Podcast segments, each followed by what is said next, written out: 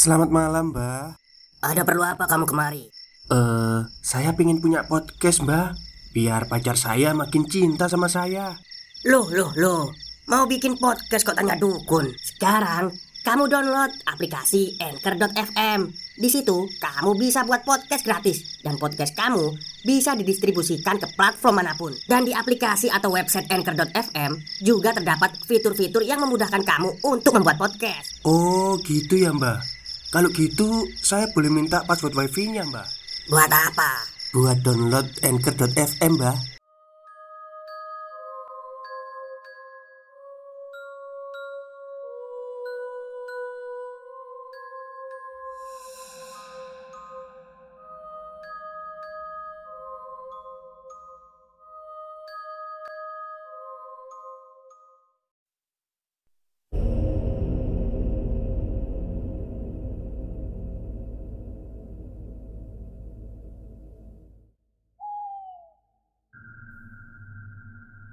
Assalamualaikum warahmatullahi wabarakatuh. Halo semuanya, jumpa lagi dengan saya Chow Sing Sing, kurator dari Podcast Horror Night Story.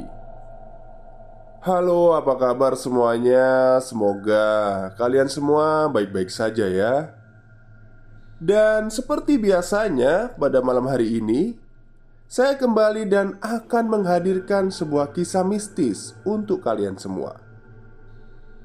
Kisah mistis kali ini saya datangkan dari tweet Twitternya Mas Indrawan mengenai seorang pemuda yang mengalami uh, hal mistis atau gangguan saat dia melakukan kesalahan pada suatu ritual.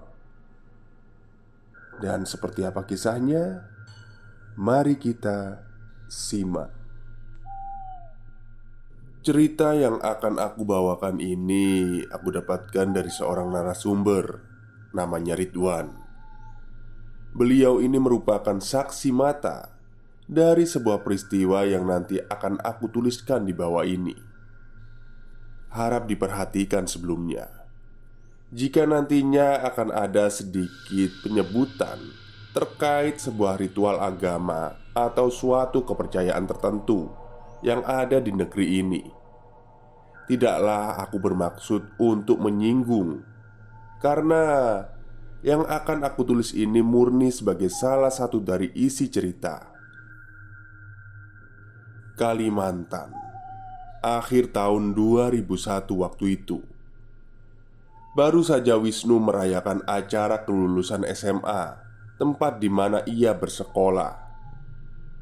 Sesaat ia larut dalam kegembiraan bersama teman-temannya, tapi segera saja rasa bahagia tadi beralih ke perasaan sedih dan sedikit kecewa. Dengan berakhirnya masa SMA, itu berarti ia harus mempersiapkan diri untuk segera bersiap mencari pekerjaan. Wisnu terpaksa membuang semua khayalan untuk bisa melanjutkan pendidikannya ke universitas seperti teman-temannya. Wisnu memang bukan berasal dari keluarga yang berada. Ayahnya hanyalah seorang tukang bangunan, sedangkan sang ibu Kesehariannya berjualan kue dengan cara menitipkannya ke warung sekitar rumah.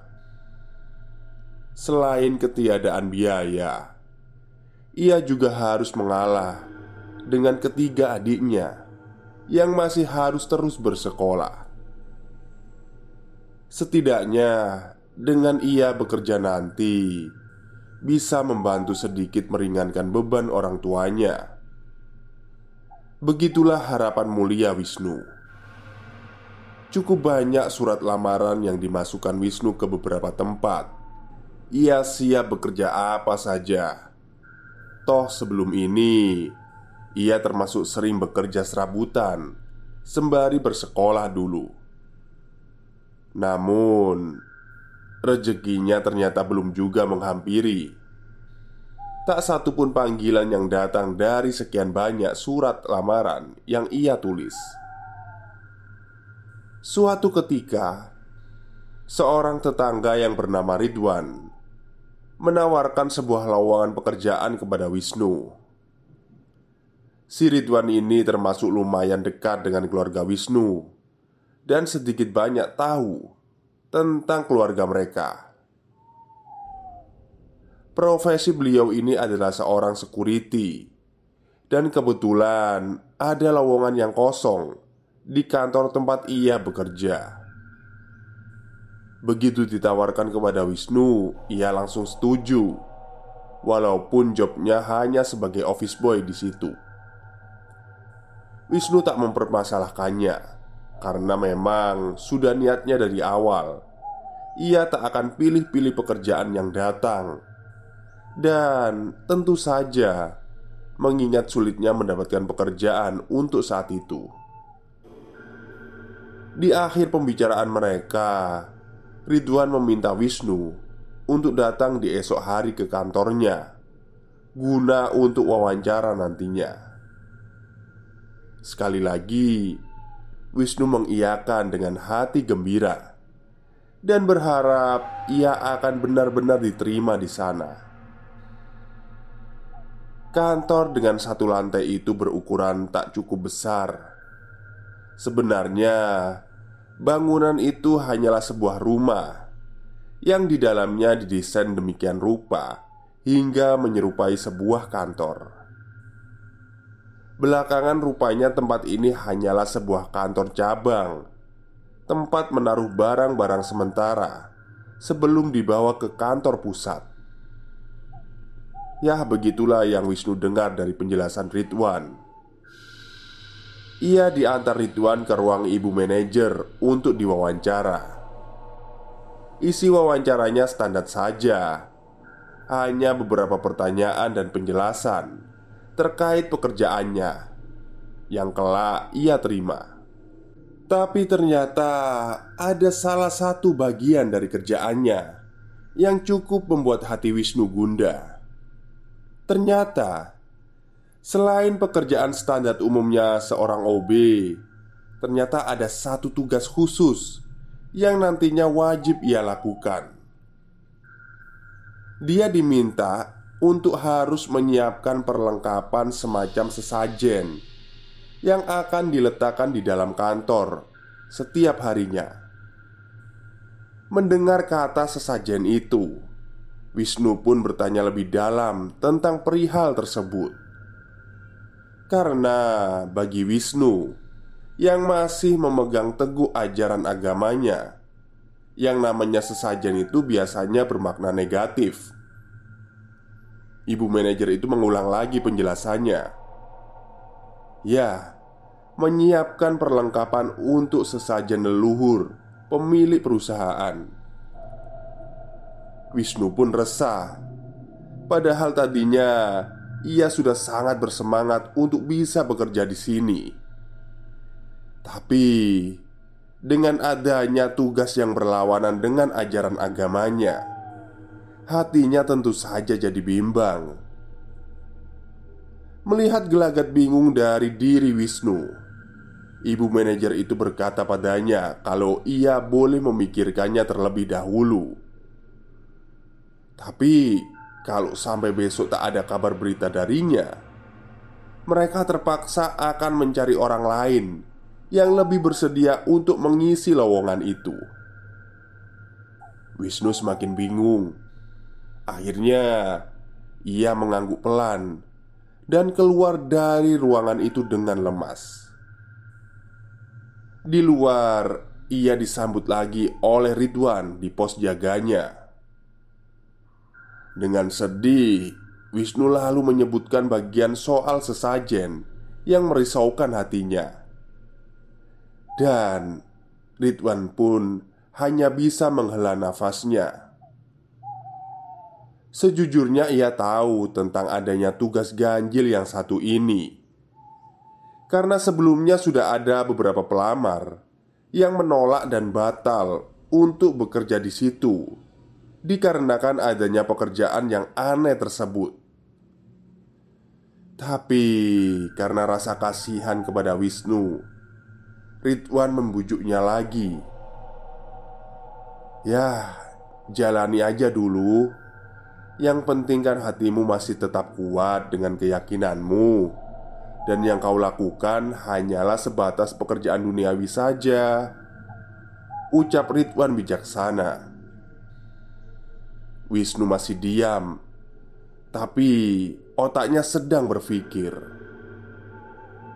Akhirnya ia berjanji Esok ia akan datang kembali ke kantor ini Kalau ia sudah memutuskan Tapi Setelah menimbang-nimbang pada malam hari itu Akhirnya ia mantapkan hatinya Untuk mengambil pekerjaan itu besok Mengenai tugasnya Ia yakin dengan perkataan Ridwan tadi Toh ia tak akan sampai berpaling dari agamanya sendiri hanya karena sebuah sesajen.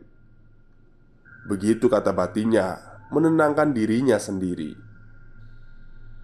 Singkat cerita, dimulailah hari di mana Wisnu bekerja di kantor itu. Sebuah pekerjaan umumnya profesi seorang OB, menyapu serta membersihkan ruangan di dalamnya. Untuk tugas sesajen yang sempat ia ragu untuk melakukannya itu, Rupanya ia hanya perlu menyiapkan perlengkapannya saja. Setelah siap, si ibu manajerlah yang akan meletakkan di tempatnya nanti. Wisnu menyiapkan beberapa macam barang. Di antaranya ada buah jeruk, sepotong ayam bakar, kemudian ada segelas kopi kental, dan sekian lembar kertas merah dengan tulisan tertentu. Setelah semuanya siap, benda-benda tadi dibawa si manajer ke dalam sebuah ruangan khusus yang terletak di bagian dapur. Hanya si manajer itu yang boleh membuka dan memasukinya. Begitu pesannya kepada Wisnu. Tapi dengan pengecualian, jika suatu saat ia sedang tak ada di tempat, maka si Wisnula yang harus masuk untuk meletakkan sesajen itu ke dalamnya.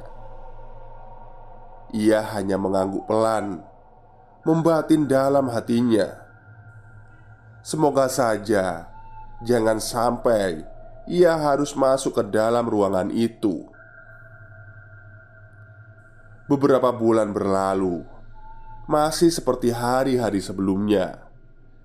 Wisnu masih tetap bekerja di sana pada suatu ketika, si ibu manajer ternyata sedang sakit dan tak bisa datang ke kantor untuk beberapa hari ke depan. Dan urusan sesajen itu terpaksa harus dilakukan Wisnu sepenuh hati. Dengan uring-uringan, ia menyiapkan barang-barang keperluannya. Setelah siap, Wisnu mengambil kunci ruangan itu di meja si manajer dan dengan hati yang berat ia masuk ke dalamnya. Ruangan itu kecil. Di langit-langitnya yang rendah tergantung sebuah lampu bohlam kuning dengan sinar yang temaram. Di pojok ruangan terdapat sebuah altar, tempat untuk meletakkan sesajen. Altar itu berupa meja dengan kaki panjang. Tingginya hampir sebatas dada orang dewasa. Di atasnya ada sebuah wadah, tempat untuk menaruh dupa. Lalu ada sebuah papan kayu bertuliskan huruf tertentu yang Wisnu tak paham dengan cara bacanya. Terdapat juga beberapa foto hitam putih yang sepertinya foto-foto dari leluhur mereka. Ya, begitulah pikir Wisnu saat ia memperhatikannya. Dan ada sebuah patung aneh berukuran sedang diletakkan tepat di tengah altar tersebut. Wisnu merasa tak nyaman berada di dalam ruangan itu. Ia sedikit merinding. Tak ingin berlama-lama berada di situ. Dengan cepat Ia melakukan tugasnya. Segera saja Ia membakar dupa yang tadi dibawanya.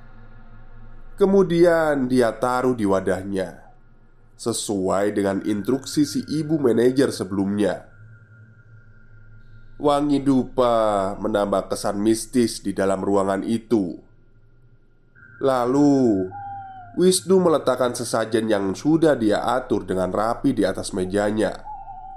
Kemudian, dengan terburu-buru, ia segera keluar dari ruangan kecil itu dan mengunci ruangan itu rapat-rapat.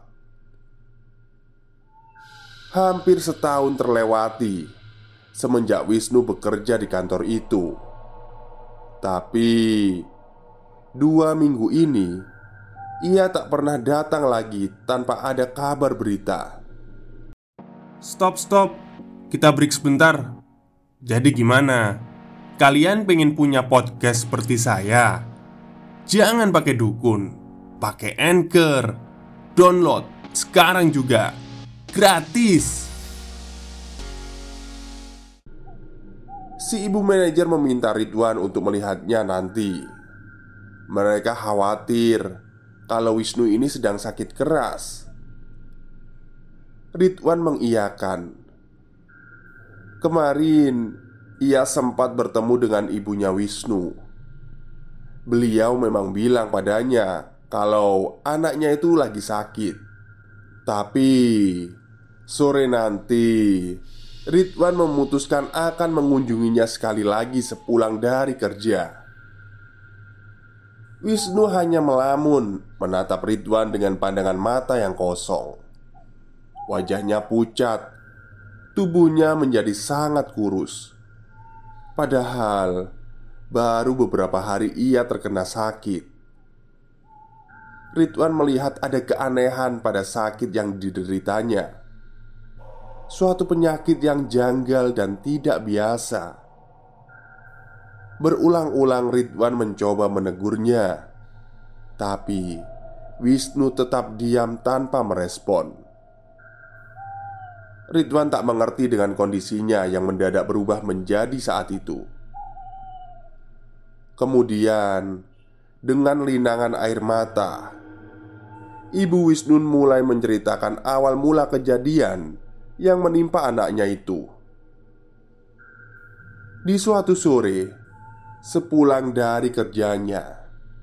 Tiba-tiba, Wisnu langsung memasuki kamar tidur dan mengunci diri di dalamnya. Sang ibu sebetulnya agak merasa heran kala itu Karena seingat dia belum pernah sih Si Wisnu itu ngeloyor begitu saja ketika pulang ke rumah Mungkin dia kelelahan Pikir si ibu. Tapi Hampir mendekati waktu malam Wisnu tak kunjung keluar dari kamarnya. Ibunya sempat menggedor pintu kamar karena khawatir.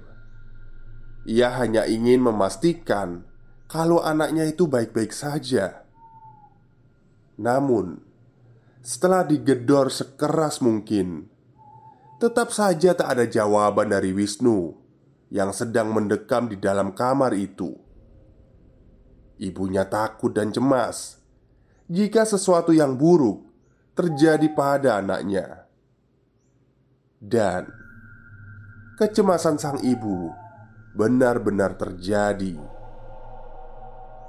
Menjelang tengah malam, mendadak Wisnu menjerit keras, seraya berlari keluar dari dalam kamarnya. Ia histeris bak orang gila yang sedang meracau Keluarganya pun kalang kabut saat itu. Mereka tak tahu apa yang terjadi pada Wisnu. Mereka hanya bisa berusaha menenangkannya. Wisnu terlihat sangat ketakutan.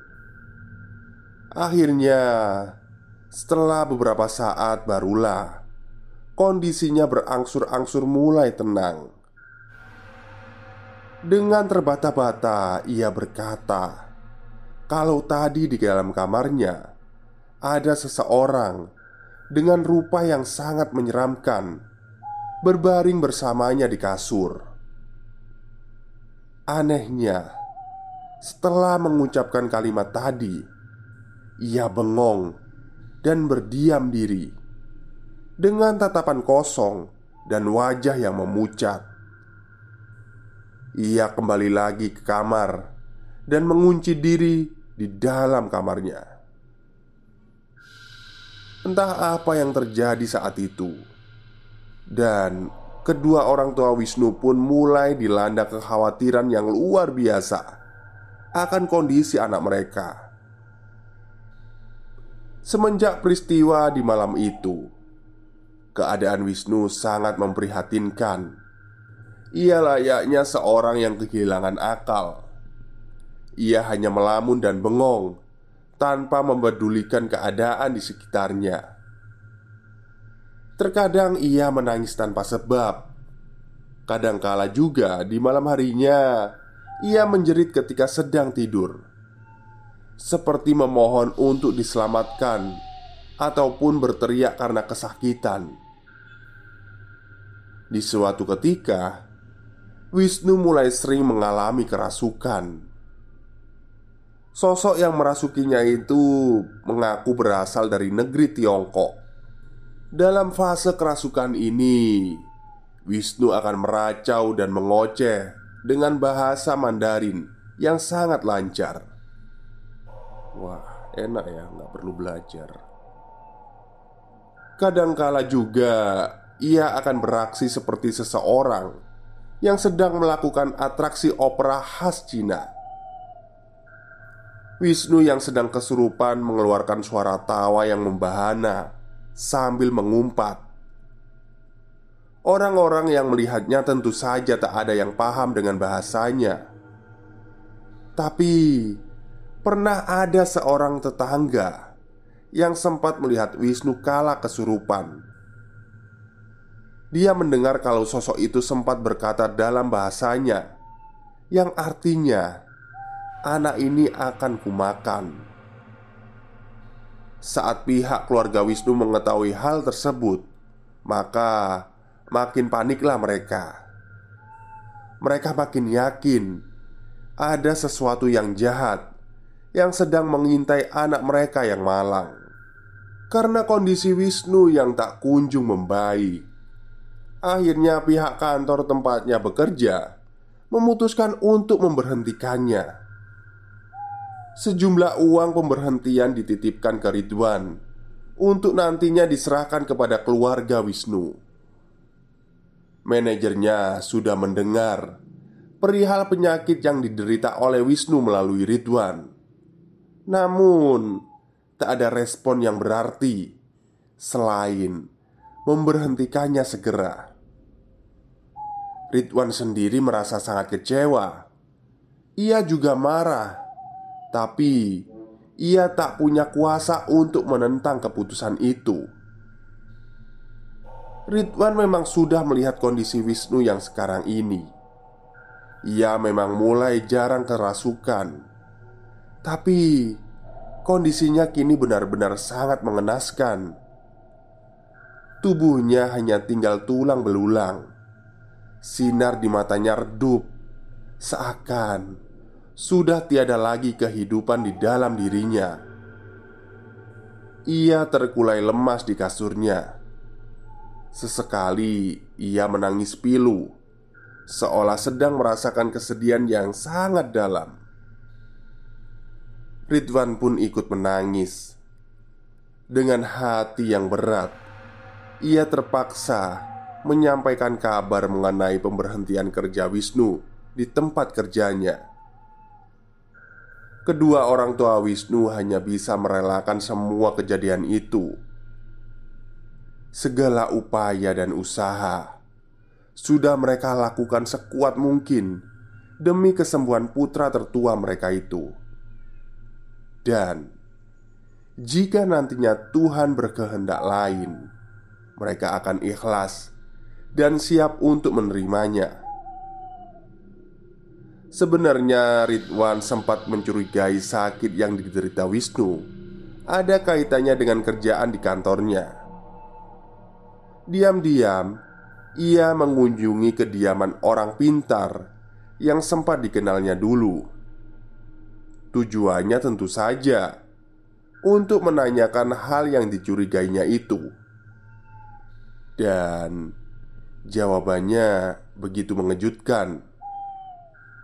Entah karena alasan apa, Wisnu pernah memakan sebuah jeruk yang dicomotnya dari altar tempat ia biasa menaruh sesajen di kantor itu. Penghuni gaib yang menjaga altar itu marah, lalu membalas apa yang seharusnya tidak boleh Wisnu lakukan. Orang pintar itu menjelaskan kepada Ridwan bahwa makhluk itu menghisap jiwa Wisnu sebagai ganti atas benda yang diambil darinya. Dan saat ini juga, menurut penerawangan si orang pintar, jiwa Wisnu itu masih berada di dalam ruangan itu. Kakinya dibelenggu dengan rantai yang besar, dan ujung rantai itu terikat di meja altar dengan sosok besar yang menakutkan berdiri tegak di sebelahnya. Ketika Ridwan bertanya, apakah masih bisa untuk diselamatkan, orang pintar itu hanya menggeleng sedih. Katanya sudah terlambat. Sosok yang menjaga altar itu sangatlah kuat dan sulit untuk diajak kompromi. Lagi pula, kesalahan Wisnu terlalu fatal. Ia harus mempertanggungjawabkan kelancangannya dan harus membayar karmanya. Pulanglah, sudah tak ada lagi yang bisa dilakukan, kata si orang pintar itu kepada Ridwan dengan wajahnya yang sendu. Ridwan pun keluar dari rumah itu disertai dengan rasa sedih dan kecewa. Sekitar lima bulan kemudian, Wisnu meninggal dunia. Pihak keluarganya memang sudah siap akan hari ini, dan mereka pun merelakan kepergiannya. Memang, kalau menilai dari kondisi Wisnu yang semakin sangat memprihatinkan, Sulit untuk berharap jika ia akan sembuh dari penyakitnya. Ridwan menghapus air matanya. Ia merasa bersalah dan tak dapat berbuat apa pun untuk menolong anak tetangganya itu. Dalam hati ia berjanji untuk tidak akan menceritakan hal yang diketahuinya lewat penglihatan orang pintar itu. Hal sesungguhnya yang menimpa diri Wisnu hingga merenggut nyawanya. Ia tak ingin menambah duka dan kesedihan kedua orang tua Wisnu dengan ceritanya. Ya, setidaknya untuk saat ini, sampai di hari ia ceritakan semua kisah tragisnya kepada saya setelah 20 tahun kepergian Wisnu untuk selamanya Sekian cerita untuk malam ini Semoga ada hikmah dan pelajaran yang bisa kita ambil dari kisah di atas. Terima kasih. Oke, itulah akhir cerita dari tweet Twitternya Mas Indrawan yang berjudul Altar. Jadi kayaknya memang setannya ini berasal dari Tiongkok ya Yang merasuki si, si Wisnu ini Karena menurut saksi mata Si Wisnu ini bisa waktu kesurupan itu bisa bahasa Tiongkok tanpa harus belajar gitu Ya serem juga sih sebenarnya Oke mungkin itu saja cerita dari saya pada malam hari ini. Kurang lebihnya, saya mohon maaf. Wassalamualaikum warahmatullahi wabarakatuh.